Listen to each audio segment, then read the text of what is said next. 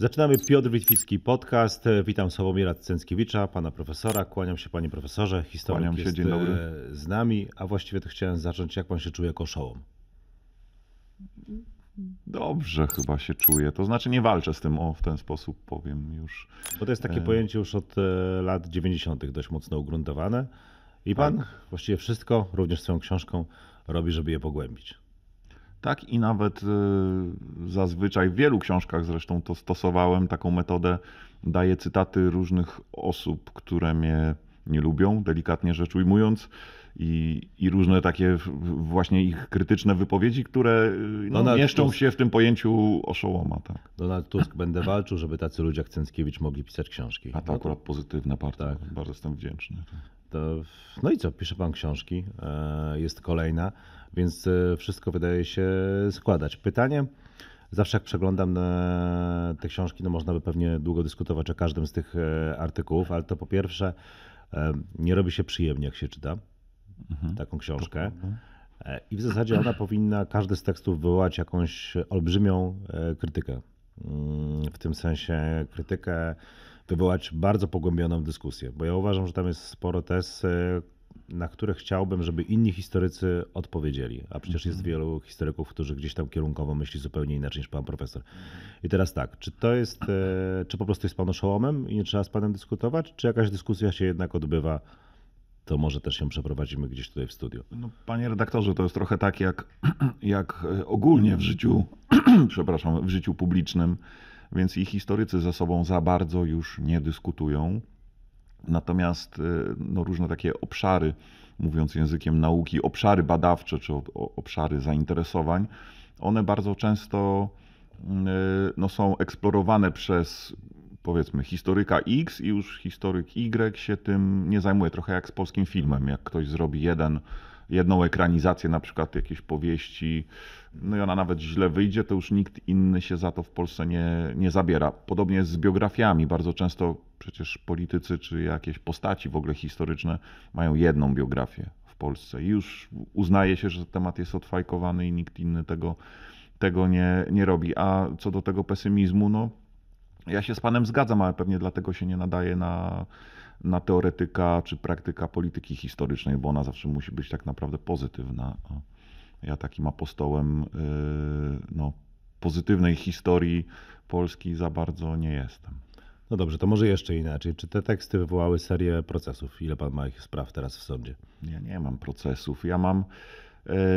Czy- generalnie nie mam procesów. E, Ja... Znaczy oprócz tych, o których wszyscy wiemy tych O, wcześniej. Z tak? Wałęsą, Wałęsą. tak. Ale to on mi jeden wytoczył, a ja mu jeden wytoczyłem. I to jest wszystko, a cała reszta to są dość kuriozalne historie, potyczki sądowe, jak ten, y, który, nie wiem czy pan redaktor pamięta i nasi słuchacze, mm, y, dotyczący podania dalej mema y, dotyczącego posła Nitrasa i ja za to no, musiałem zapłacić ponad No tak, 8 ale- tysięcy złotych chyba. Także trzeba uważać, jakie memy się podaje. Okej, natomiast no to też jest trochę tak, że przecież no jeśli nie ma jakiejś pogłębionej dyskusji, e, jeśli nie ma kolejnych e, procesów, które by jakoś sprowadzały na ziemię pana argumentację, no to gdzieś tam pewnie pojawia się pytanie, czy jednak coś nie jest na rzeczy, tak? Zwłaszcza, że napisał pan tę Z tym oszołomstwem? Na odwrót. E, No, no tak można to interpretować, ale jakby ja w, w interpretację tej całej historii no, tekstów, które nie zyskują e, rezonansu takiego, jaki ja bym, jaki ja bym sobie, jakiego ja bym sobie życzył, no, no nie wchodzę, jakby przywykłem. Pan pewnie lepiej niż ja, bo to przecież dotyczy nawet sfery takiej bieżącej, publicznej. E, Jest tyle w przestrzeni publicznej niesamowitych newsów, które przecież umierają w przeciągu godziny, dwóch, trzech czy dnia i, i nikt już do tego nie wraca. I To tym bardziej jeśli chodzi o przeszłość, no kogo przeszłość interesuje. Polska się No, okazuje się, że i interesuje, tak? No, No bo ja widzę bardzo pos- gorącą, wielotygodniową dyskusję na temat podręcznika e, do historii, czy właściwie hitu, tak? E, tak, ale do końca do historii. Wypowiedzi historyków to, to można pewnie w tej sprawie, no poza, poza może sferą taką internetową, e, policzyć na, na, na palcach jednej ręki. Generalnie spierali się o, o, to, e, o to politycy, którzy no ja odnoszę takie wrażenie, poza kilkoma nie mają większego pojęcia o historii. Okej. e, a Czyli ci, jeśli- którzy jeszcze, o, dodam, bo oni bardzo często mówią, politycy bardzo często mówią, że historię trzeba zostawić historykom. No a jak się pojawił podręcznik y, do hitu, to, to oni najczęściej o tym No dyskutują. tak, tylko tam chyba był jeszcze większy problem, że pan profesor Roczkowski jest politykiem, i historykiem, więc... e, No był politykiem, tak. To... No ale no to wiadomo, że z tej roli pewnie do końca nie wyszedł. Ale no, nie o tym Mhm. e, tak naprawdę. Pytanie jest e, inne. Pan jest aktywnym użytkownikiem Twittera, jak już teraz e, wyszło, więc widzi pan e, pewne trendy. Widzi pan pewnie też to, co wydarzyło się po śmierci Jerzego Urbana. No, jest całkiem spore grono mm, osób młodych, które czuło się w obowiązku palić znicze, wychwalać w jakiś sposób jego dokonania. No to, jest, pan to jest dla mnie smutne, bardzo komentowałem to kilkukrotnie. Mm, No mamy do czynienia jakby z takim, no z taką sytuacją, w której przez y, jedno pokolenie Urban, czy przez dwa pokolenia Urban jest pamiętany jako, jako minister reżimu jaruzelskiego, a przez no, ludzi urodzonych na przykład po roku 89, czy gdzieś na styku tych dwóch epok, e, no właśnie, jako, nie wiem, liberalny antyklerykał. No i teraz w zależności od tego, kto jakie ma poglądy, no to albo pali te znicze, albo, albo, albo manifestuje nawet na cmentarzu w czasie, w czasie pogrzebu. E, Natomiast o, o wiele większym chyba problemem było, były pożegnania e, ludzi, których ja mogę nie poważać za takie czy inne poglądy polityczne dziś, ale jednak kojarzyłem ich z tradycją solidarnościową, a więc no, antykomunistyczną. I nie chodzi nawet o takich ludzi jak Michnik, ale no, te wpisy na przykład Waldemara Kuczyńskiego, no, oczy przecierałem i, i, i nie mogę uwierzyć, że on coś takiego jest w stanie napisać. Przy okazji zresztą No to przypomnijmy, doda- ja dodając też- y, no, dwa tego- takie główne. Dwa takie główne. Jeden y, ż- z nazwaniem go nie do końca chyba y, pamiętam teraz y, ojcem transformacji ustrojowej, a drugi, że nie miał Urban nic wspólnego z, z, ze śmiercią księdza Jerzego Popiełuszki. E, No właśnie, e, ja zaraz znajdę nawet dokładnie e, te wpisy, bo pamiętam, że też, też żegnam Jerzego Urbana z czołówki polskich dziennikarzy drugiej połowy XX wieku, żegnam przeciwnika z czasów Solidarności i Jauzoleszczyzny, ale nigdy wroga, żegnam jednego z kowali roku 1989 roku. No ale jakby tak wczytać się w pana książkę, no to rzeczywiście i sformułować to zupełnie nieironicznie, no to pewnie Jerzy Urban był jednym z kowali 89 roku. To znaczy takiego modelu transformacji, jaki ja opisuję, to tutaj pełna zgoda. Oczywiście, tylko... Jest między wami zgoda, to może E, to oburzenie było e, niepotrzebne. Pewna zgoda, tylko że, e, że, że e, jakbyśmy zaczęli dyskutować, co Waldemar Kuczyński ma na myśli, jak on interpretuje transformację, no to tutaj byśmy się e, poróżnili, no bo dla mnie transformacja jest jakby przejściem z komunizmu do postkomunizmu i w tym sensie Urban na przykład jako członek grupy trzech, która sformułowała no, główne cele e, reform ustrojowych w Polsce przedkładane Jaruzelskiemu razem z Cioskiem i z generałem Pożogą, e, na pewno jest, e, że tak powiem, kowalem tego wszystkiego, co się w roku 89 stało, ale e, przecież istotą rzeczy są inne e, wątki w tych, chociażby w, tych, w tym wpisie, który pan zacytował. E, Co to znaczy, że on nigdy nie był wrogiem? No, ja pamiętam lata 80. Urodziłem się w 71 roku, mieszkałem w Trójmieście, e, co jest pewnie ważne dla pamięci lat 80. i Urban był absolutnym wrogiem wszystkich, e, którzy no w jakikolwiek sposób krytycznie, już mówię to bardzo delikatnie, myśleli o komunizmie. Wrogiem i to, i to takim wrogiem znienawidzonym.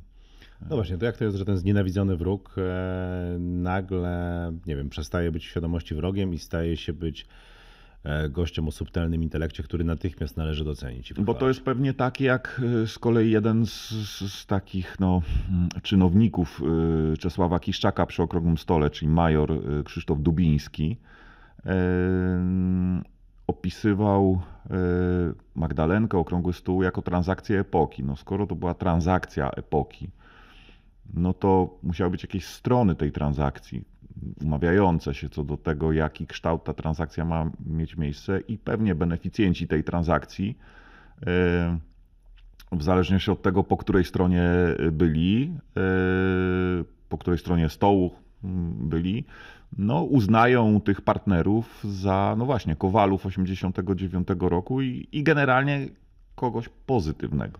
No bo wydaje mi się, że to jest trochę tak, że są jakby dwa sposoby myślenia o Magdalence. Tak? Z jednej strony e, strona solidarnościowa usiadła z ludźmi, których e, nie poważała, no, z ludźmi, którzy no, w jakiejś części byli politycznymi spadkobiercami, e, a nawet nie spadkobiercami, no, tylko aparatu władzy, który rozprawiał się dość mm, okropnie z przeciwnikami i był bezwzględny i podpisała z nimi takie porozumienie, wiedząc, że dealuje z Schulerem, dlatego że nie miała innej możliwości. Czytając te wpisy Kuczyńskiego, ma się takie wrażenie, że oni się gdzieś tam polubili po prostu, że Tak. gdzieś tam ta chyba o jedną wódkę za daleko poszło. Znaczy ta tak? pierwsza interpretacja No bo ja tak zawsze myślałem, że tak jest, tak? ta pierwsza interpretacja, to akurat niesłusznie, jakby konsekwentnie y, być y, zwolennikiem tej, tej interpretacji, którą pan tutaj zaprezentował, ale ta pierwsza interpretacja, ta, ta pańska interpretacja, ona świetnie się ma do tego, co Magdalence mówił jej y, uczestnik y, i w ogóle o okrągłym stole, o całym tym procesie y, Lech Kaczyński. On rzeczywiście traktował tych ludzi jako szulerów, jako jako niebezpiecznych graczy, których, no, No, który, których no, nie rozgrzeszał jakby z Dodajmy grzechów, jeszcze jedną, jedną rzecz, bo, bo zapominamy o popełnili. tym. Świetnie wyszkolonych graczy, graczy z ogromnym doświadczeniem, przygotowaniem, logistyką, służbami i tak dalej. Tak, no więc- samo miejsce wybrane do rozmów A poufnych. tego, Ten, ten, dowiedziałem się tym od pana. e, ta Magdalenka to, miejsce, to jest tak. obiekt specjalny Departamentu Pierwszego MSW, więc y, okablowany ze swoim numerem ewidencyjnym. To pewnie nie przypadek. No ale taki jest... Przez przypadek to było nagrywane wszystko, tak?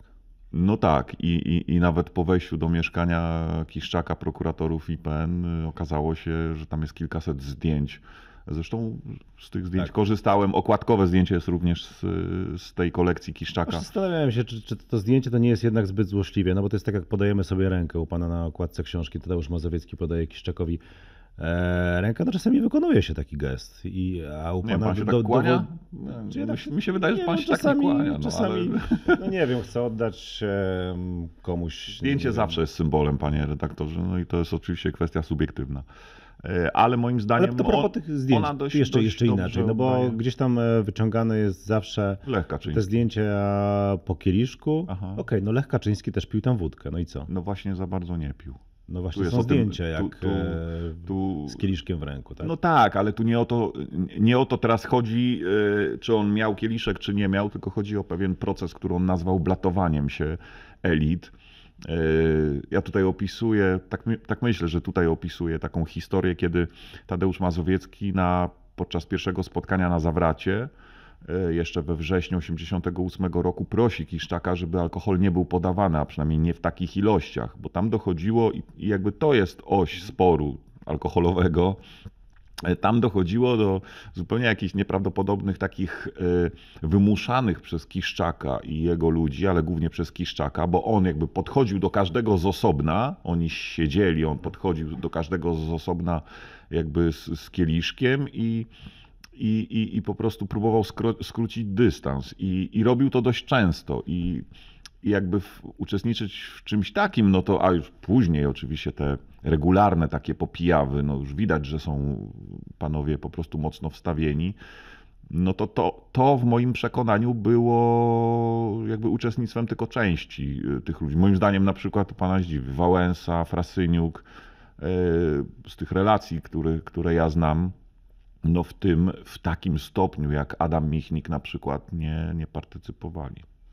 A I o to co- chodzi, To, no. Czy to, co robił e, Kiszczak tam, no to mm, było tak, że on był takim po prostu miłym wujkiem i tak bardzo chciał em, skrócić dystans, bo tak bardzo, nie wiem, polubił Adama Michnika i tak bardzo Adam Michnik zachwycił go głębokością swojego intelektu. Czy, bo tak wydaje mi się, że strona opozycyjna przez jakiś czas myślała, e, że tam jest takie porozumienie intelektualne, w związku z tym tak fajnie to kontynuować. Czy znów e, to było celowe zagranie wynikające z jakichś technik operacyjnych, wynikające z tego, że oni dokładnie wiedzieli, co tam robią i po co to robią. Myślę, że Kiszczak, y, no co by o nim nie powiedzieć, ale techniki operacyjne, takie bym powiedział interpersonalne, psychologiczne nawet, e, no miał opanowane i na pewno to była część pewnej koncepcji ocieplania jego wizerunku jako, nie zapomnijmy, e, no, twórcy całego tego, czy realizatora tego, tego procesu negocjacyjnego y, transformacji. To było bardzo ważne. No, on był jednak szefem policji politycznej. Natomiast, y, jakby to panu redaktorowi powiedzieć, ja uważam, że Magdalenka to nie był.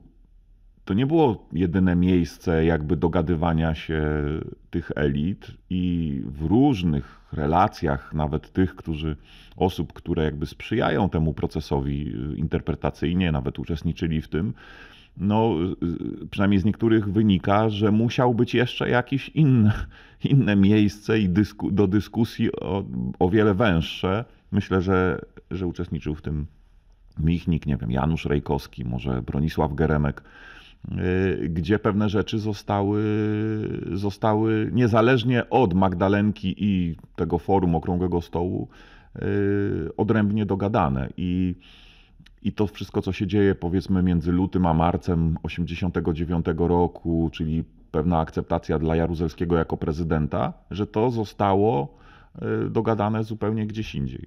I powiem panu, przepraszam, że tak długo mówię, ale na przykład oglądając materiały operacyjne SB o Kuroniu i Michniku e, z roku 89, no, można e, wiele takich zabawnych e, sytuacji wyczytać. Na przykład funkcjonariusz SB prowadzący sprawę chyba Kuronia, jeśli dobrze pamiętam, pisze o tym, że zauważył, że do Kuronia przyszedł członek Komitetu Centralnego PZPR Aleksander Kwaśniewski i oni w obiekcie inwigilowanym od lat to znaczy mieszkaniu Kuronia się nie, Boże, tak? nie, nie zostali, tylko poszli na spacer i pyta o sens prowadzenia działań operacyjnych w stosunku do figuranta y, Jacka Kuronia, skoro no tutaj dochodzi do, do jego spotkań z przedstawicielem najwyższych władz partyjno-państwowych, a i tak y, możliwości inwigilacji w sytuacji, w której oni no, omijają jakby technikę operacyjną i spacerują y, po jakichś parkach, nie ma. No i, i, i to jest na pewno właśnie te relacje już nawet bezpośrednie, indywidualne. To niekoniecznie musi być jakiś spisek, forum, na którym oni tam przyjeżdżają jeszcze do obiektu numer dwa i tam coś ustalają. Moim zdaniem to jest no, taki ciekawy trop dla interpretacji, dogadania wielu spraw, które, które wtedy dogadano. Tylko wie pan, e, e, to jest trochę tak, że mm, no, człowiek interesujący się historią opozycji no wie, że to mieszkanie właśnie na Żoliborzu i Jacka Kuronia to było takie mieszkanie, gdzie wiele osób z opozycji napotykało na prawdziwą pomoc. E, mieszkanie, które było punktem organizacyjnym opozycji. No, znamy te wszystkie historie mhm. z tym, jak tam działał telefon i no, pojawia się jednak pewna sprzeczność, tak, z którą e, umysł nie do końca potrafi sobie poradzić. To, jak, to jest szersza sprawa, tak? Szersza tak. sprawa. W sensie ona dotyczy co najmniej kilku bohaterów. E, jak, jak to wszystko pogodzić? Jak pogodzić tę biografię? Przecież też jest świetnie udokumentowana, tak? Przecież to, jak bardzo Jacek Kuronie w tamtym czasie pomagał, e, to jak e, wielu opozycjonistów uzyskało tam pomoc, e, z tą późniejszą historią, której pan przedstawia mroczną wersję, mhm. interpretację wersji, no bo mhm. to, to, to, o czym pan mówi, tam spacery, staje się po Parku Żeromskiego, jeśli dobrze pamiętam, no nie są, mhm. to jest, to jest fakt, natomiast już ta interpretacja no jest interpretacją. Tak, jak to wszystko po, łączyć całość? No, bo panie... może to jest najciekawsze tak naprawdę w tej historii. Pewnie tak? tak, ale panie redaktorze, no jeśli żyliśmy przez na pewno kilkanaście lat do momentu, kiedy powstał IPN, no w, w takiej wizji dość propagandowej yy, historii opozycji i transformacji, jak to tam panowie ciężko negocjowali, no negocjowali, ale jednak ciężko się spierali yy, i, i nikt nie zadawał pytania, dlaczego ten telefon po prostu tam był. Yy, i nikt nie miał wglądu do tych materiałów, które no, na przykład pokazały bardzo ciekawe y, rozmowy, które trwały kilka lat Jacka Kuronia z dwoma funkcjonariuszami SBS Departamentu III MSW.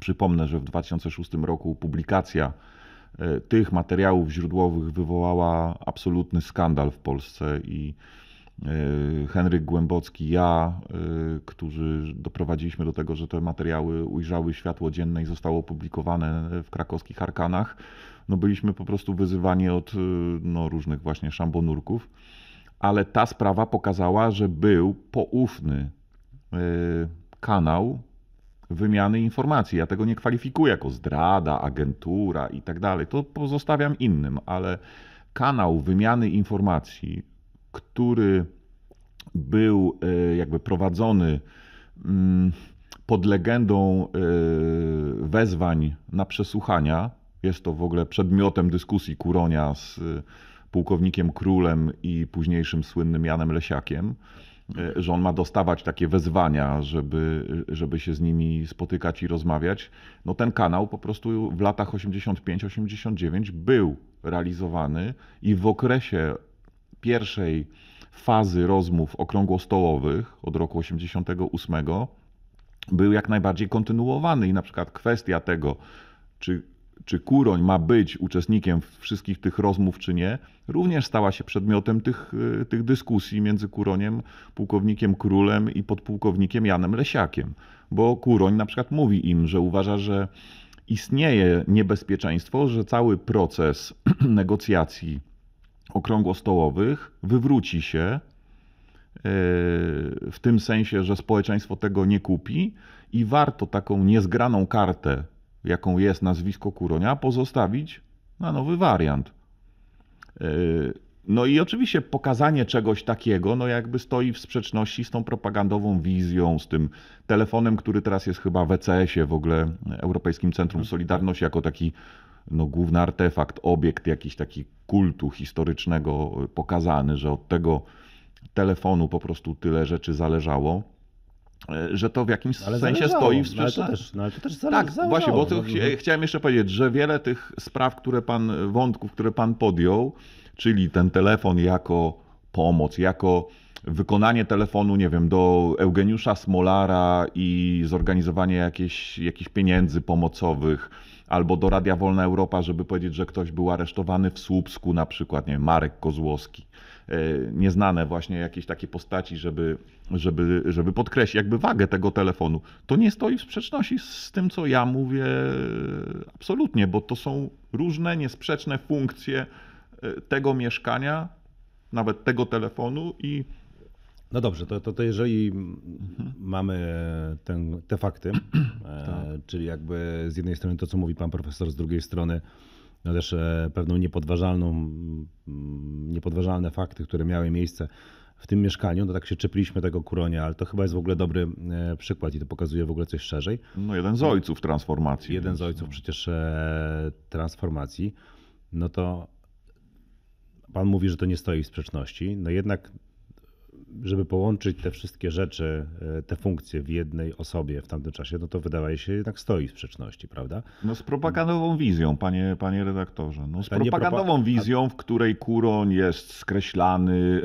z Michnikiem y, do wiosny 89 roku przez Kiszczaka, że komuniści się zgadzają na szereg y, ustępstw, ale na ustępstwo dotyczące tych dwóch postaci się nie zgadzają. No to, to są, wie pan, jakieś takie legendy, no, z którymi historykowi yy, nawet trudno dyskutować, bo, bo one się okazały no, w gruncie rzeczy Okej, ale ale bo- tak łaków nie warte. Bo wydaje mi się, że pan polemizuje teraz z tym, co, było, co pisała Gazeta Wyborcza w latach 90., a Też ja nie tak. do końca to mówię. Ja Tak. bardziej zastanawiam się, to może inaczej. Nie wiem, czy pan Mhm. pamięta debatę w roku 2005 albo 2006, też tak z pamięci mówię, na temat tej ustawy lustracyjnej, którą przygotowywali ówcześni młodzi posłowie PiS, Tak. ale też Platformy e, Obywatelskiej, o czym można zapomnieć. No właśnie, Karpiniuk, Nitras, Giżyński, Mularczyk to byli główni Tak, gracze. czterech w tej panów. e, Wtedy, I pamiętam wtedy też taką krytykę ze środowisk opozycyjnych.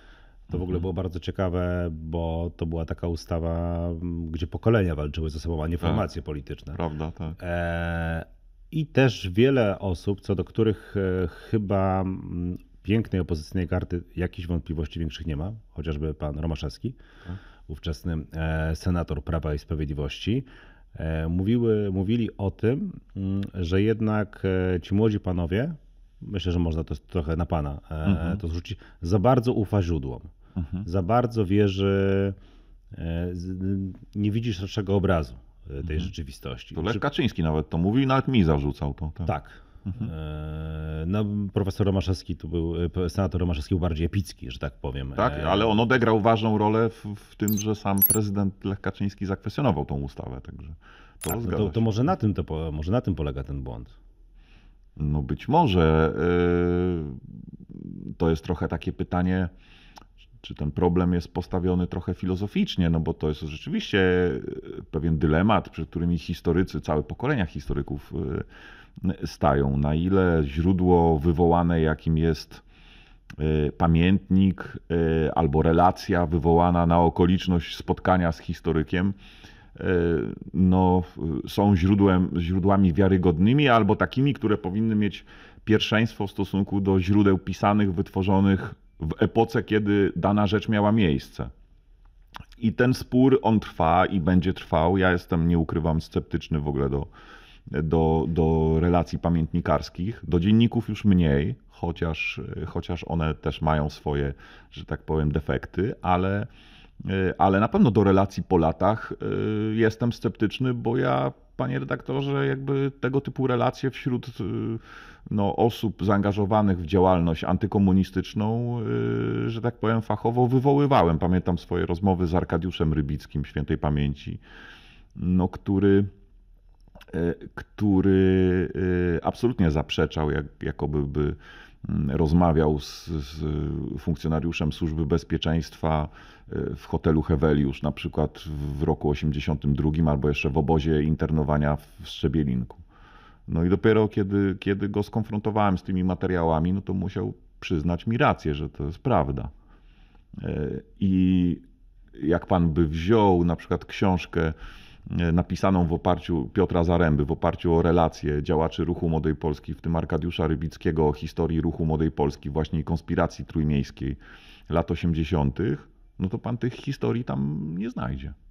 No i, i to jest jakby podstawowy Nie, no problem. jest, e, Jedno i drugie trzeba jest- brać pod uwagę, ale Jest wyższość e, no, tej, tej strony, o której pan profesor mówi, no dlatego, że po pierwsze to zjawisko alternacji zdaje się w socjologii nieźle opisane i ono jest w ogóle faktem, że pamiętamy to, co chcemy pamiętać. No i chcemy siebie reinterpretujemy, pozytywnie też przedstawiać, tak. mm, Pozytywnie pokazać e, najbardziej Mhm. pozytywną część swojej biografii. To jest zapewne normalne pytanie, czy to może jeszcze inaczej, bo chodziło mi coś innego. Czy pan widząc e, drzewa nie widzi lasu?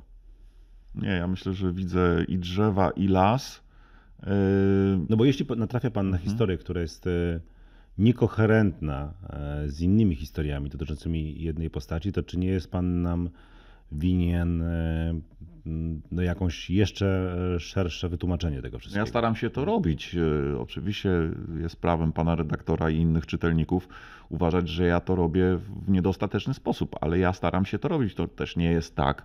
Przecież, że te moje książki dotyczące PRL-u, no to one są pisane tylko w oparciu o materiały policji politycznej. Chociaż, tego żeśmy nie powiedzieli, one mają swoją specyfikę. Yy, no, taką specyfikę, którą, o, o, którą trudno w innego typu materiałach źródłowych no, znaleźć, czy się ich doszukać, no bo to są sprawy intymne, bardzo osobiste. Policja y, polityczna ma to do siebie, że się interesuje wszystkim, jak odkurzacz, zbiera wszystko.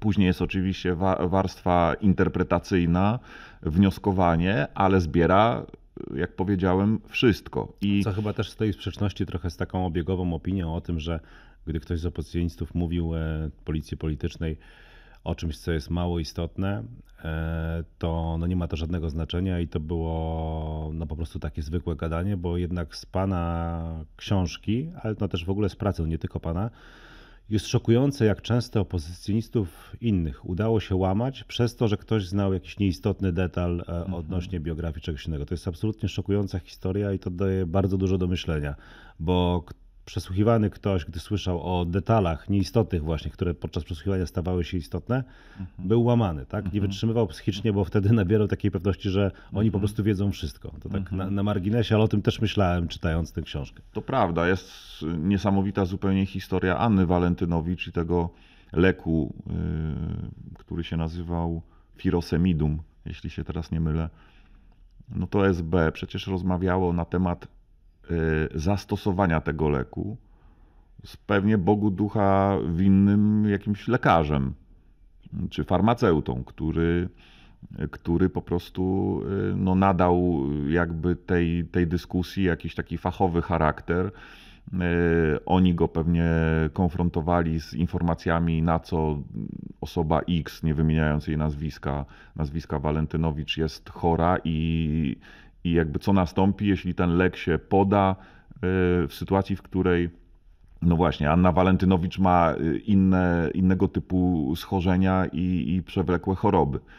Y, No właśnie, i, i, i jakby z materiałów wynika, że mogło dojść do jakby czasowego albo nawet wyłączenia Anny Walentynowicz z aktywności publicznej, ale mogło również dojść do zgonu. E, I to jest właśnie taka sytuacja. No, ktoś niewinny, że tak powiem, rozmawiał, bo przyszli jacyś panowie zapytać, przedstawili się jako milicjanci albo z MSW i, i udzielił taka, takiej informacji. No, a co dopiero w takich kwestiach, o których właśnie pan mówi, że ktoś ma w ogóle taką świadomość rozmów. Bardzo często w aktach są, nie wiem, numery buta, Mhm. e, wielkości stopy, właśnie informacje o zdrowiu, e, historie, nie wiem, chorej na coś córki albo syna. No, Ktoś- tym ktoś można by- złamać, tym można no złamać tak, człowieka. ktoś może tak? powiedzieć, to przecież nic nie znaczy. W ogóle nasza przestrzeń publiczna, wczoraj czytałem taki artykuł, już nie powiem na jakim portalu, o jakiejś skrzywdzonej pani, która ma 90 lat i jej emeryturę ten straszny Mariusz Błaszczak e, odebrał. Tylko, że to jest wielki tekst, ale ja tak naprawdę poza informacją o tym, że ona w latach 40. czy 50. pracowała w milicji obywatelskiej, ja nie wiem, co ona tam robiła. No i zabrakło jakby w tym tekście informacji o tym, co ona tam robiła w tej milicji obywatelskiej i czym była po, milicja polityczna w, w okresie stalinowskim. Yy, No a akta tej osoby, nawet jak była tylko w milicji, to do roku 54 czy nawet 6 wszystkie akta milicjantów są w Instytucie Pamięci Narodowej i można je przeczytać i można się jakby bezpośrednio skonfrontować z tą wiedzą zawartą w tej teczce, co ta osoba tam A to może robiła. ktoś popłynął za bardzo na tym micie mm, tych sprzątaczek, tak, którym zabierane, czy sekretarek No właściwie, to jest którym zawsze, zabierane... zawsze to, to, ale to jest, no, pan redaktor to zna, jakby to jest też element jakby psychologii, pewnej manipulacji opinią publiczną. W różnych sprawach wyciąga się przypadki skrajne, żeby unieważnić całość procesu. To druga strona powiedziała, że pan wyciąga przypadki skrajne i przez to cierpią te sekretarki. To, to Stanisław Ciosek tak e, twierdził w stosunku do e, profesora Andrzeja Paczkowskiego. Mówił, pan to tak opisuje naszą ekipę generała Jaruzelskiego, e, jakby pan na pięknym licu cudownie pięknej, przepięknej kobiety znalazł pryszcza i pan by się skupił tylko na tym pryszczu. I to jest trochę, no, no to jest perspektywa oczywiście, ale no oczywiście fałszywa. No. No to jeszcze inaczej. Skoro e, tak wyglądało to porozumienie, no nie tylko w Magdalence, bo no też Mag- Magdalenki używamy Mhm. tu jako, pewne, jako pewnego e, symbolu zrozumiałego absolutnie e, dla wszystkich, to skoro była następna taka myśl, skoro było tak źle, to czemu tak wiele się udało? Czemu w tym czasie, który pan nazywa postkomuną, udało się wejść do NATO, udało się wejść do Unii Europejskiej, udało się dokonać niesamowitego skoku cywilizacyjnego, udało się dokonać e, nieprawdopodobnej wręcz, niezależnie jak ją oceniamy i e, rozmowa o jej kosztach to jest zupełnie inna rozmowa, reformy no, systemu po prostu finansowego, ekonomii, gospodarki. No pełna zgoda, tylko że ja mogę e, jakby w wersji skrótowej powiedzieć, że to się udało pomimo tego, co ja tutaj opisuję. No ale ci ludzie E. byli architektami tych zmian. No nie zawsze, nie zawsze, a, a poza wszystkim y, też pan redaktor to, to musi po prostu wiedzieć y, i wie, że sfera publiczna, polityka jest dziedziną bardzo dynamiczną, jest bardzo dużo zmiennych. Dzisiaj siedzimy i dyskutujemy y, w przekonaniu, że nie wiem, premierem jest premier Morawiecki, a możemy wyjść ze studia i dowiedzieć się, że on już nie jest premierem. I tak wiele razy w historii przecież trzeciej RP było. No, w międzyczasie był rząd Olszewskiego, były e, generalnie pozytywne rządy Jerzego Buzka i AWS-u w tych sferach, o których tutaj mówimy. I pewnego porządkowania spraw, nie wiem, w służbach specjalnych, nawet w wojskowych służbach informacyjnych, cała ta rola generała Rusaka i próba weryfikacji kadr właśnie związanych, e, związanych z przyjęciem Polski do NATO. A to jest bardzo dobry przykład, wie pan, żeby, żeby panu jakby tą, e, te, ten kontekst pokazać. Wymuszona przez Amerykanów. To jest charakterystyczne, że e, przystępujecie do NATO, my was do tego NATO wpuszczamy, ale zróbcie przegląd kadr e, oficerskich wojskowych służbach specjalnych u siebie, no tak, żeby ludzie po kursach GRU i KGB nie stanowili jakiegoś trzonu kierowniczego kadry oficerskiej tej służby. Proces został przerwany po upadku rządu, znaczy po przegranych wyborach e, przez AWS w 2001 roku.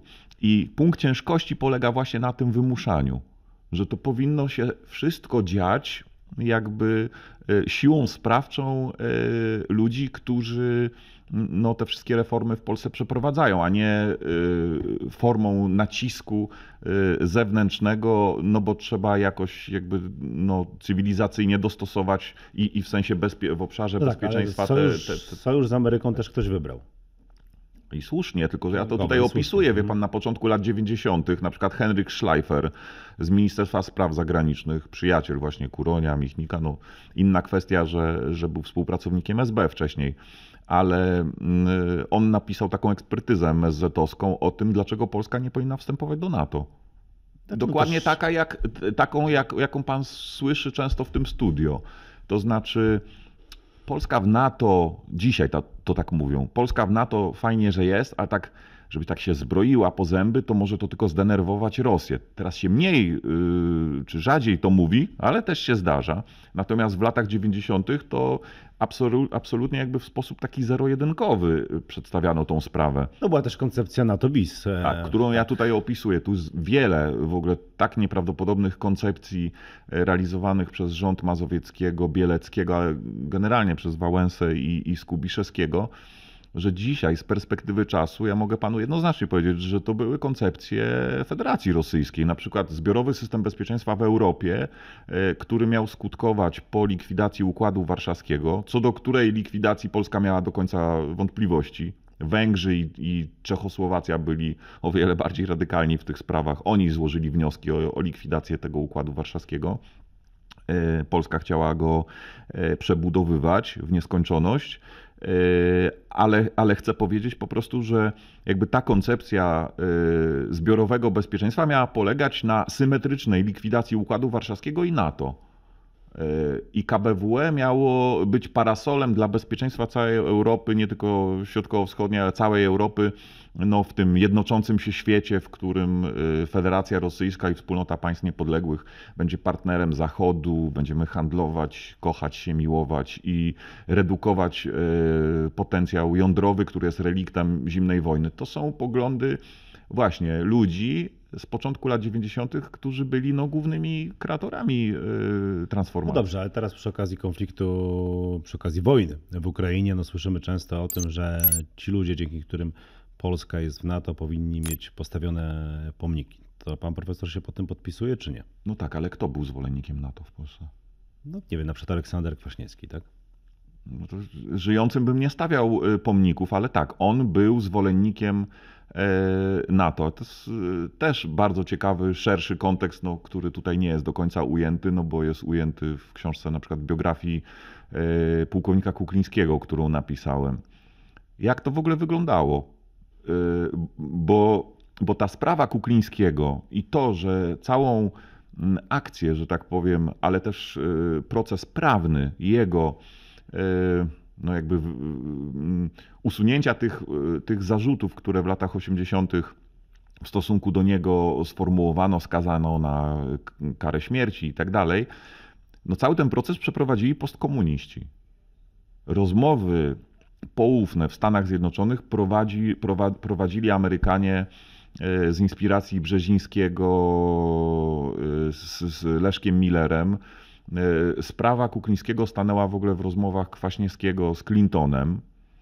E, I ja myślę na przykład, że, że ta kwestia tych zasług w, w sprawie Kuklińskiego, mógłbym jeszcze inne przykłady podać, że ona była jakby e, związana z tym, że postkomuniści no, trochę nie mieli wyjścia. To znaczy, jeśli chcieli zyskać opinię, międzynarodową opinię takich pełnoprawnych partnerów politycznych. Socjaldemokratycznych No właśnie, taką, taką legitymację socjaldemokratów, co to komunizmu w gruncie rzeczy nie lubili, no to musieli jakby na ten, na ten wariant, bo to formalnie było propozycją, ale tak naprawdę mogło skutkować czymś więcej ze względu na e, znaczenie, rolę Stanów Zjednoczonych również w całym procesie transformacyjnym w Polsce i w Europie Środkowo-Wschodniej. I oni po prostu w to weszli, zyskali przez to bardzo e, dużo dla siebie, jakby w tych opiniach amerykańskich. Przypomnę panu redaktorowi, że Leszek Miller był nawet na prestiżowym stypendium w Stanach Zjednoczonych, nie znając języka angielskiego. E, I, I oni szereg takich, e, takich, takich kwestii jakby zrealizowali. No i, no i chwała za to, że oni się do tego dostosowali. Ja mogę panu, jak powiedziałem, no więcej takich przykładów podać. No to są takie paradoksy historyczne. Ten paradoks związany z Kuklińskim, no właśnie też jest taki, ale, ale już na takim podwórku naszym wewnętrznym. No to jest sprawa pułkownika Chodysza. No, mhm. Wielki bohater, e, który zdradził SB, no właśnie taki na, na miarę krajowej sprawy Kukliński. Wie pan co, no akurat y, mhm. ten przypadek znam dobrze z Gazety Wyborczej, którą czytałem e, właśnie mhm. namiętnie pewnie na początku lat 2000. E, no i rzeczywiście, czytając e, te wszystkie teksty, no mam wrażenie, że mógłby powstać o panu pułkowniku film no taki na poziomie Jamesa Bonda. No tak, ale kto go wyrzucił z Urzędu Ochrony Państwa? No elity solidarnościowe. A kto go przywrócił? SLD. Siemiątkowski go przywrócił do pracy w delegaturze, delegaturze Gdańskiej Urzędu Ochrony Państwa, czyniąc z niego nawet szefa. No więc. E, no, a z drugiej strony mamy. Ale tylko dlatego, że był, że był e, no, takim lojalnym, bym powiedział, urzędnikiem, który w 1992 roku jako szef delegatury UOP wydał Macierewiczowi materiały dotyczące agenturalnej przeszłości Wałęsy.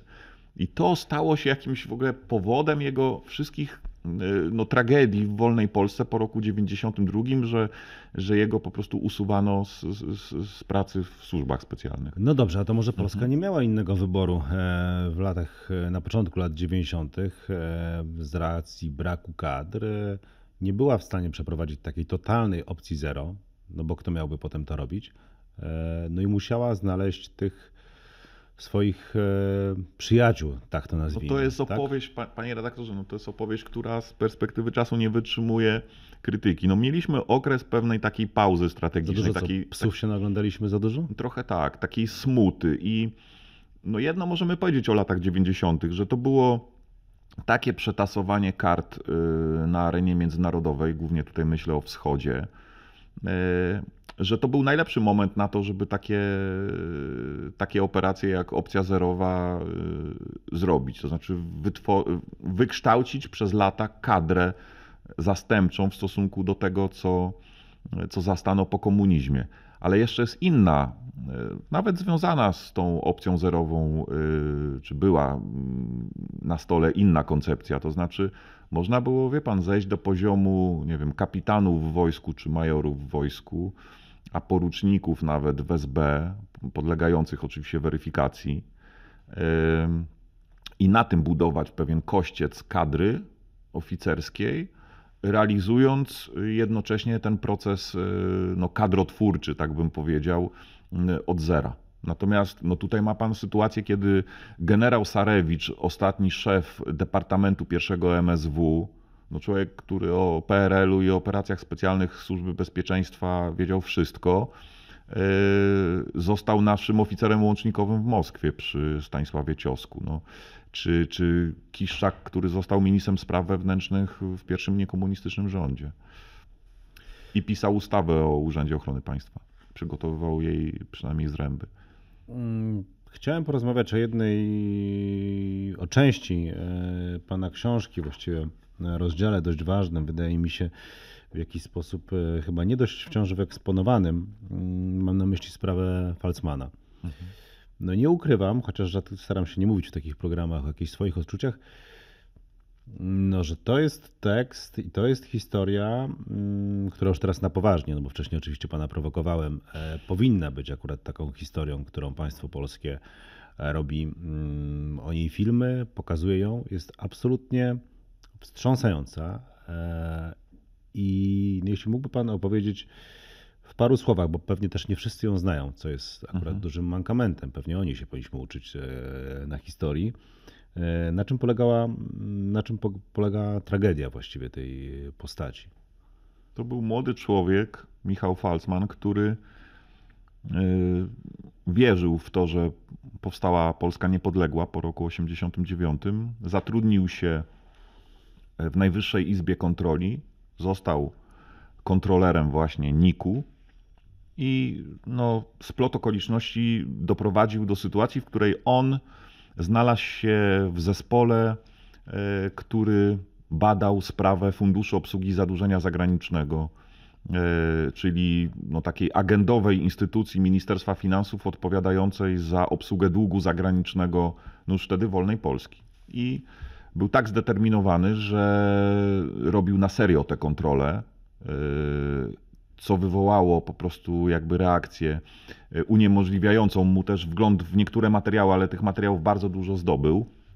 No i wniosek z tych, e, z tej dokumentacji, którą, którą znalazł, no był, był straszny. To znaczy, że Rozpracował cały mechanizm. Pan Cały mówi, mechanizm. zdekodował, e, ale rzeczywiście pod względem intelektualnym jest to absolutnie fascynujące, że ten człowiek siedząc, jak zakładam, przy biurku czy rozmawiając z ludźmi, rozpracował cały mechanizm, który też tu jest. Mhm. I e, sporządził kilkanaście niesamowitych notatek, bo to było tak przerażające, że na przykład Walerian Pańko, prezes Najwyższej Izby Kontroli, był przerażony działalnością swojego podwładnego y, inspektora y, Michała Falcmana i nawet go odsunął na kilka dni przed śmiercią, odsunął go od kontroli Funduszu Obsługi Zadłużenia Zagranicznego, naciskany zresztą przez, y, przez Michał wie polityków. już, że z tego e, zawału żywy nie wyjdzie, powiedziała Izabela e, Brodacka-Falcman, 91 rok.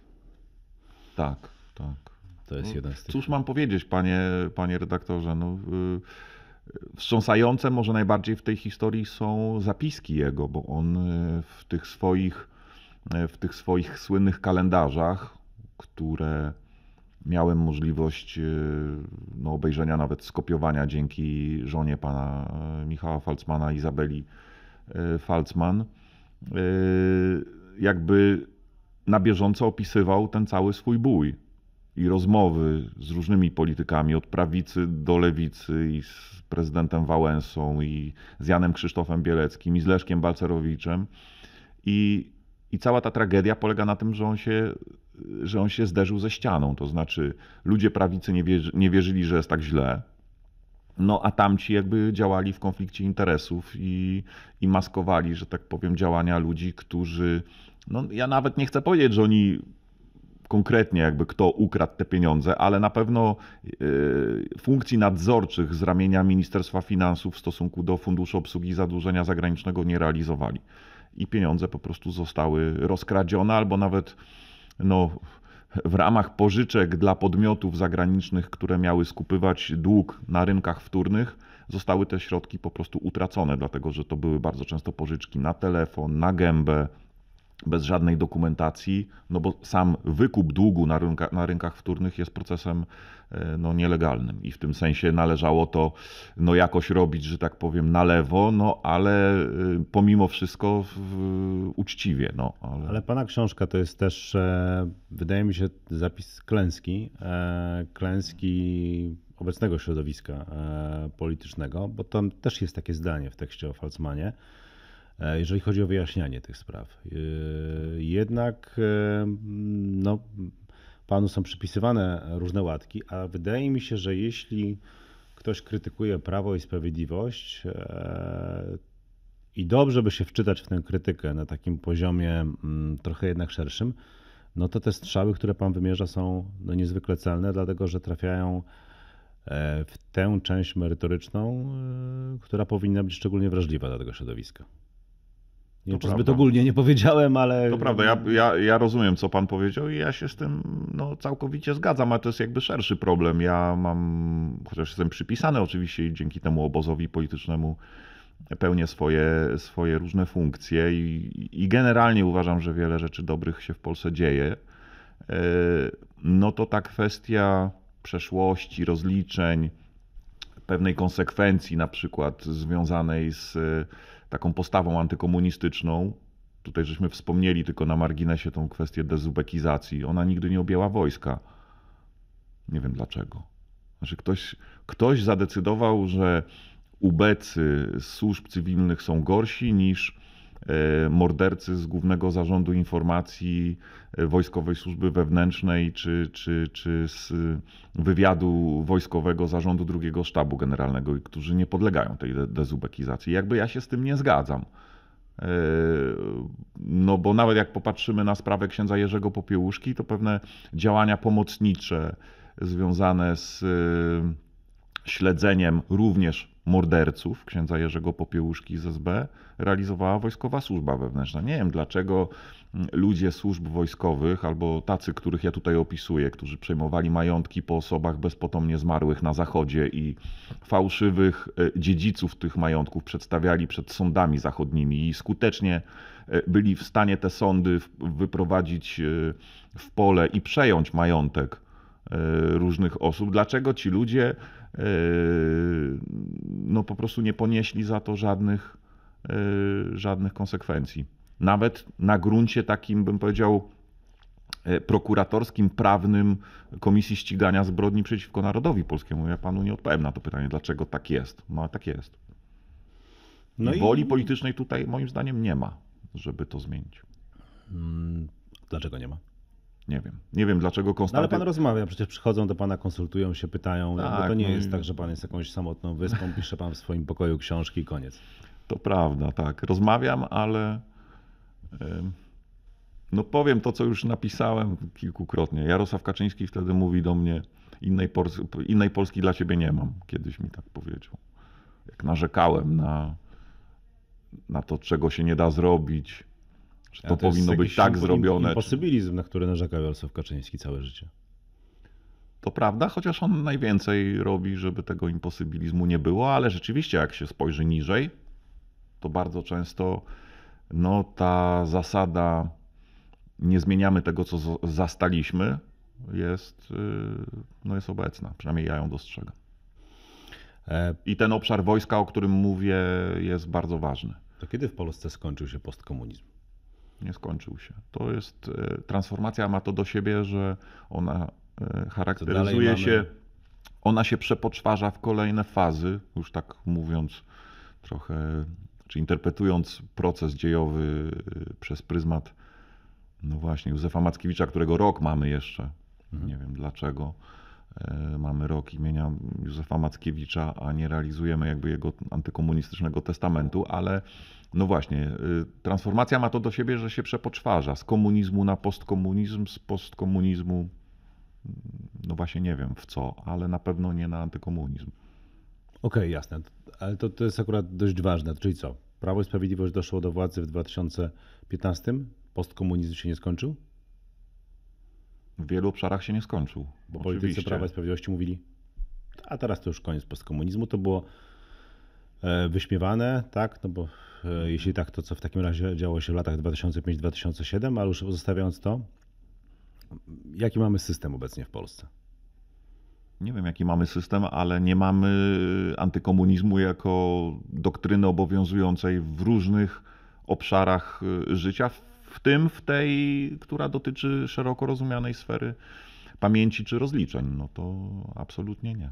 No, to czegoś- Aczkolwiek, y, mówiąc językiem Andrzeja Zybertowicza, potencjał antykomunizmu może Prawo i Sprawiedliwość ma, na pewno ma największy na polskiej scenie politycznej. Ale to nie znaczy, że to jest antykomunizm No, ale tak powiem, wolność. integralny, który, który, no, który jest realizowany no, przez agendy państwowe. Czy Jasne, no ale to, to mamy wolność w tym sensie, że no może społeczeństwo nie chce takiego dekomunizmu. To jest jeden z czynników. Bo pewno. wspomniany przez pana Polityk- profesor Zybertowicz na początku lat 90. e, napisał książkę, e, gdzie opisywał chociażby spółki polonijne. Mm, No to za bardzo tej książki wydać nie mógł, e, rozpromować już na pewno nie. Mm, Pan może sobie pisać co chce, przecież te nakłady pana książek są olbrzymie. Były ol- olbrzymie, teraz są powiedzmy niemałe, ale nie są, Ech. nie są już olbrzymie. Rynek księgarski są niezłe. No. Yy, tak, a zwłaszcza jeśli chodzi o historyków.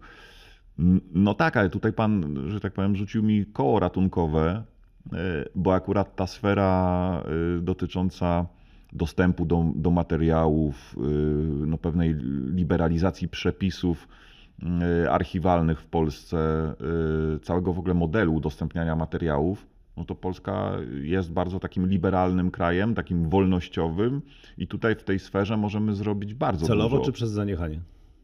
Moim zdaniem celowo. Znaczy, Okej.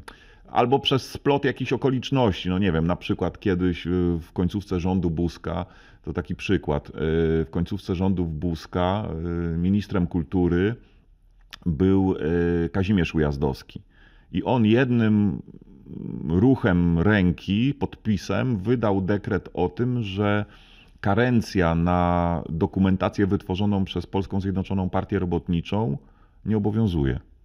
Czym, dzięki czemu jakby on w ogóle te materiały, e, te materiały no, zwolnił z jakichkolwiek, bo to nie była nawet kwestia tajności, tylko po prostu z obostrzeń związanych z e, udostępnianiem tych materiałów. Rząd Mazowieckiego, w tym Mazowiecki, ale to pewnie jest zasługa Samsonowicza z kolei, e, profesora Samsonowicza, który był, który był ministrem e, edukacji, tak, edukacji, e, uznał, że materiały PZPR-u są częścią dziedzictwa archiwalnego i zostały, powinny zostać po likwidacji PZPR-u w styczniu 90 roku przejęte przez archiwa państwowe. To są, to są cuda. Wie pan, byłem kiedyś na, na, zaproszony na jakąś konferencję na Węgry i, i okazało się, że na przykład partia socjaldemokratyczna nie przekazała materiałów y, partii komunistycznej węgierskiej do archiwów państwowych, bo jest to traktowane jako ich własność. E, Sporo takich problemów również było w Czechosłowacji, czy w Czechach i w Słowacji, więc no, w tej sferze, o, którą, o której pan tutaj mówi, dużo dobrego się zadziało i, i chwała. E, No jasne. Pan się trzyma tej takiej bezpiecznej e, roli historyka. No jest pan historykiem, więc jest to jakby zrozumiałe. No nie mogę aż tak, e, takich wyrzutów panu robić z tego powodu. Z drugiej strony, no to co pan robi ma ogromne konsekwencje polityczne. Jak pan uważa? Ja bym chciał, żeby tak było, ale. no, Ja nie no, chciałem o tym robić rozmowy, no ale umówmy się, że no jednak e, pewne konsekwencje dla polskiej sceny politycznej pana książka o Wałęsie miała. Tylko już nie chcę robić o tym rozmowy, bo to, To już prawda, tak. myślę, że jest przegadane e, pewnie też dla pana częściej niż by pan chciał, a tu są ciekawsze rzeczy. Mhm. Znaczy nie wiem, czy ciekawsze, ale równie ciekawe przynajmniej. E, tak można by mm, ująć i powrócę trochę z tym pytaniem, e, bo ono mi się wydaje e, kluczowe. Jeszcze raz, jeśli było tak źle, to dlaczego tak wiele się udało? Nawet wojna w Ukrainie, która obnaża mm, państwo polskie ze wszystkimi swoimi wadami, problemami energetycznymi, a jednocześnie, no nie wiem, z Baltic Pipe, pokazuje, mm, no jak wiele udało się zrobić i pewnie gdzieś ta krytyka e, pana książek, a nawet czasami nie krytyka, bo pewnie dla pana gorsza jest to wzruszenie ramionami i odpowiedzenie mm, paru sztampowych rzeczy. E, Wiąże się też z tym, że czytając to mm, wszystko człowiekowi trochę trochę odbiera się tę dumę e, z przemian po 1989 roku. A wydaje mi się, że jest tam kilka rzeczy, z których możemy być dumni. No to wstąpienie do NATO, prawda, które mm, potraktowaliśmy przez lata jako pewnik, a dzisiaj, gdy przychodzi weryfikacja ze strony wschodniej tego wszystkiego, to myślimy sobie, albo patrzymy na mm, chociażby na Skandynawię, no kurczę, wcale takim pewnikiem nie było, a daje nam dzisiaj no, bardzo dużo. Żeby nie powtórzyć tego, co już Mhm. mówiłem, panie redaktorze, to powiem panu tak. Z, tą kwestią transformacji tych osiągnięć e, jest trochę tak, jak e, z tym, co teraz e, przez część polityków opozycji z liderem na czele jest interpretowane jako ich jakby przewidzenie wypadków międzynarodowych i, i, i- tego, czym jest Federacja Rosyjska, czym będzie w przyszłości Federacja Rosyjska i jak groźnym partnerem dla Unii Europejskiej e, był Władimir Putin. To jest dokładnie tak. To znaczy, e, diabeł przebiera się w ornat i na mszę dzwoni. E, Ktoś, kto realizował reset, ja się tym bardzo teraz interesuję i zajmuję, w tak głęboki, we, w różnych obszarach sposób, reset w relacjach polsko-rosyjskich. Absolutnie nie wyłączając żadnych. szerszej, e, szerszej koncepcji resetu. No, Hillary Clinton, Barack To jest, Obama, to prawda? jest dokładnie. No, No, to- widzi pan, panie redaktorze, to jest. Pan mi powie, że jakieś kalki powtarzam, tak? Tak, to, Okej. to jest Mm. dokładnie ich interpretacja, bo jak pan nałoży, mówiąc fachowo, na oś czasu koncepcję resetu Donalda Tuska yy, na koncepcję resetu Obamy, to panu się, że, że tak powiem, e, kalendarz nie będzie zgadzał. Kwestia atakowania e, tarczy antyrakietowej i realizacja resetu po y, wygranych wyborach jesienią 2007 roku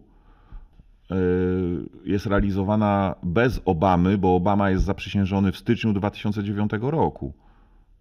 Naprawdę te najbardziej skandaliczne, kierunkowe wytyczne dla polityki zagranicznej, które pisał Jarosław Bratkiewicz w MSZ, to jest wiosna 2008 roku. Tak, tylko mam na myśli, ja E- patrzę teraz jeszcze troszeczkę szerzej. To znaczy, to był czas, e, kiedy pewnie też po wyborze Miedwiediewa, pewnie dlatego, że było nam wygodnie, pewnie też znów dlatego, że lepiej się o tym e, myśli i łatwiej jest funkcjonować.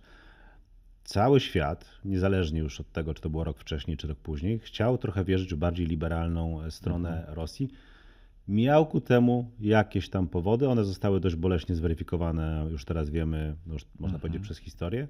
Natomiast jakieś powody ku temu miał i to jest też ten szerszy kontekst, Po prawda? pierwsze, nie cały świat. Po drugie, nawet gdyby przyjąć e, tą koncepcję, bo ja się jakby zgadzam co do tego, że kierunek polityki e, Unii Europejskiej był taki, jak pan mówi, i on był niezależny e, od wyboru prezydenta Baracka Obamy na prezydenta Stanów Zjednoczonych, to Polska powinna być kotwicą w polityce europejskiej rozsądku e, w stosunku do Federacji Rosyjskiej ze względu na e, pewne kompetencje historyczne, które Polska w tej sprawie i kraje Europy Środkowo-Wschodniej posiadają. No i tego zabrakło, a nawet, powiem panie redaktorze, jakby to publicznie po raz pierwszy, nasi sojusznicy, e, nawet w Unii Europejskiej, byli przerażeni po prostu skalą i głębokością tego resetu i zwracali uwagę polskim czynnikom politycznym, żeby no tak daleko po prostu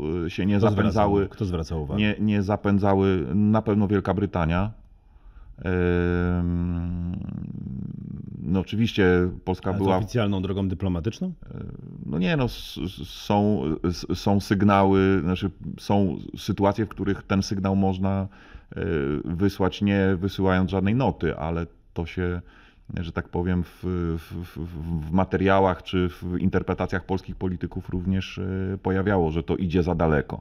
Ale oczywiście Polska była w tym rydwanie polityki niemiecko-francuskiej, zwłaszcza niemieckiej i i cała koncepcja, o której Pan mówi, związana z Miedwiediewem, z jego rolą jako prezydenta, no była e, koncepcją realizowaną przez, przez Angelę Merkel i, i, i rząd niemiecki w ramach takiej koncepcji partnerstwa dla modernizacji, która zresztą stała się tak naprawdę koncepcją polskiej polityki e, wobec, wobec Rosji, czyli wiara w to, że e, nowy prezydent e, na serio poróżni się z premierem Putinem i zrealizuje model transformacji modernizacyjnej w Rosji.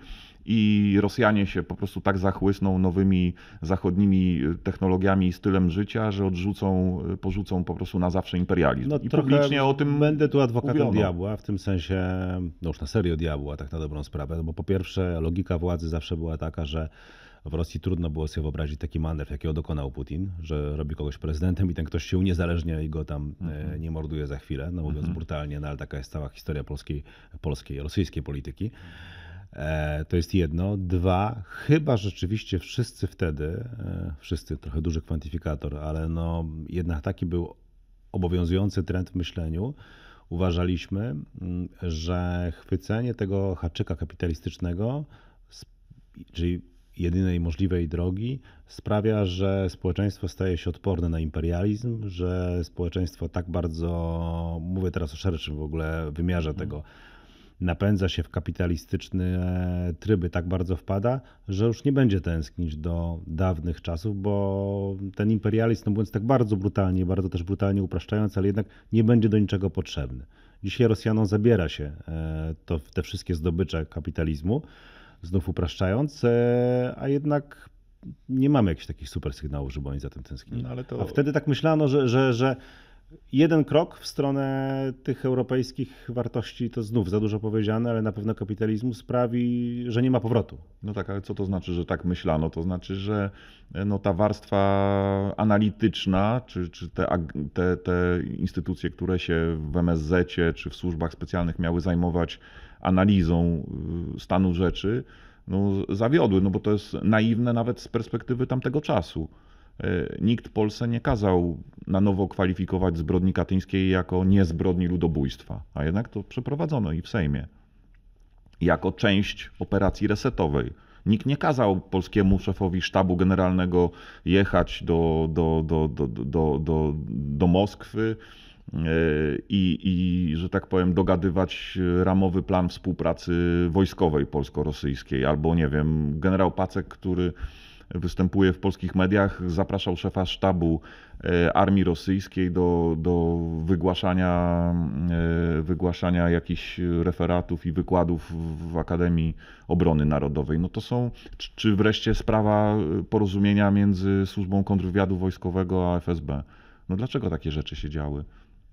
Nie znam takiego resetu, tak głębokiego resetu e, z Rosją e, realizowanego przez, przez kraje Zachodu, nawet przez Niemcy. No, Niemcy tam mają swoje problemy, chyba głębsze jednak od nas, jeżeli chodzi o relacje z Rosją. No zgadza się, tylko że tutaj właśnie wracamy jakby do, do, do tego, co nas y, do tego spotkania jakby doprowadziło, czyli do, do książki Transformacja, czy wcześniej nawet książki Agentura. No ja tam opisuję na przykład taką postać y, y, byłego wiceministra spraw zagranicznych, który no właśnie był zaangażowany w sprawy resetu. Y, Rotfeld, Najar, takich dwóch ministra, wice, wiceministra sp- spraw zagranicznych. No moim zdaniem jakby używanie takich, takich ludzi do e, realizacji resetu polsko-rosyjskiego no było jakby jednoznacznym sygnałem wysłanym Moskwie, ale również Zachodowi, że no, my będziemy reset realizowali taką kartą zgraną w zasadzie komunistyczną, agenturalną, komunistyczną, e, że my jakby wyciągniemy tych ludzi dawnego reżimu do tego, żeby poprawić nasze, nasze relacje z, z Rosją. No to uważam po prostu za nie tylko głupie, ale po prostu niebezpieczne. To kiedy, panie profesorze, ta książka? Ja żadnej Rozumiem, książki myślałem, nie, nie, nie, nie potwierdzam. Interesuję się jakby tą, tą sprawą, A, jak bo, interesuje się pan tym. bo, bo, bo po prostu no, po 24 lutego nie, muszę przyznać, że przecieram oczy, jak, jak słucham, jak antyrosyjska polska polityka była e, zawsze. I również w okresie lat 2007-14, czy do czasu e, zajęcia Krymu. I, I mam taki dysonans, jak widzę na stronach nawet BBN-u do dzisiaj zdjęcia e, Patruszewa czy Naryszkina, którzy odwiedzali e, Pałac Prezydencki. One są cały czas na stronie BBN-u, tak? Tak, można znaleźć. Dziękuję bardzo za tę rozmowę. Dziękuję. Sławomir, e, profesor Sławomir Cęckiewicz, historyk, był naszym gościem. Jeszcze raz dziękuję panie profesorze. Dziękuję bardzo.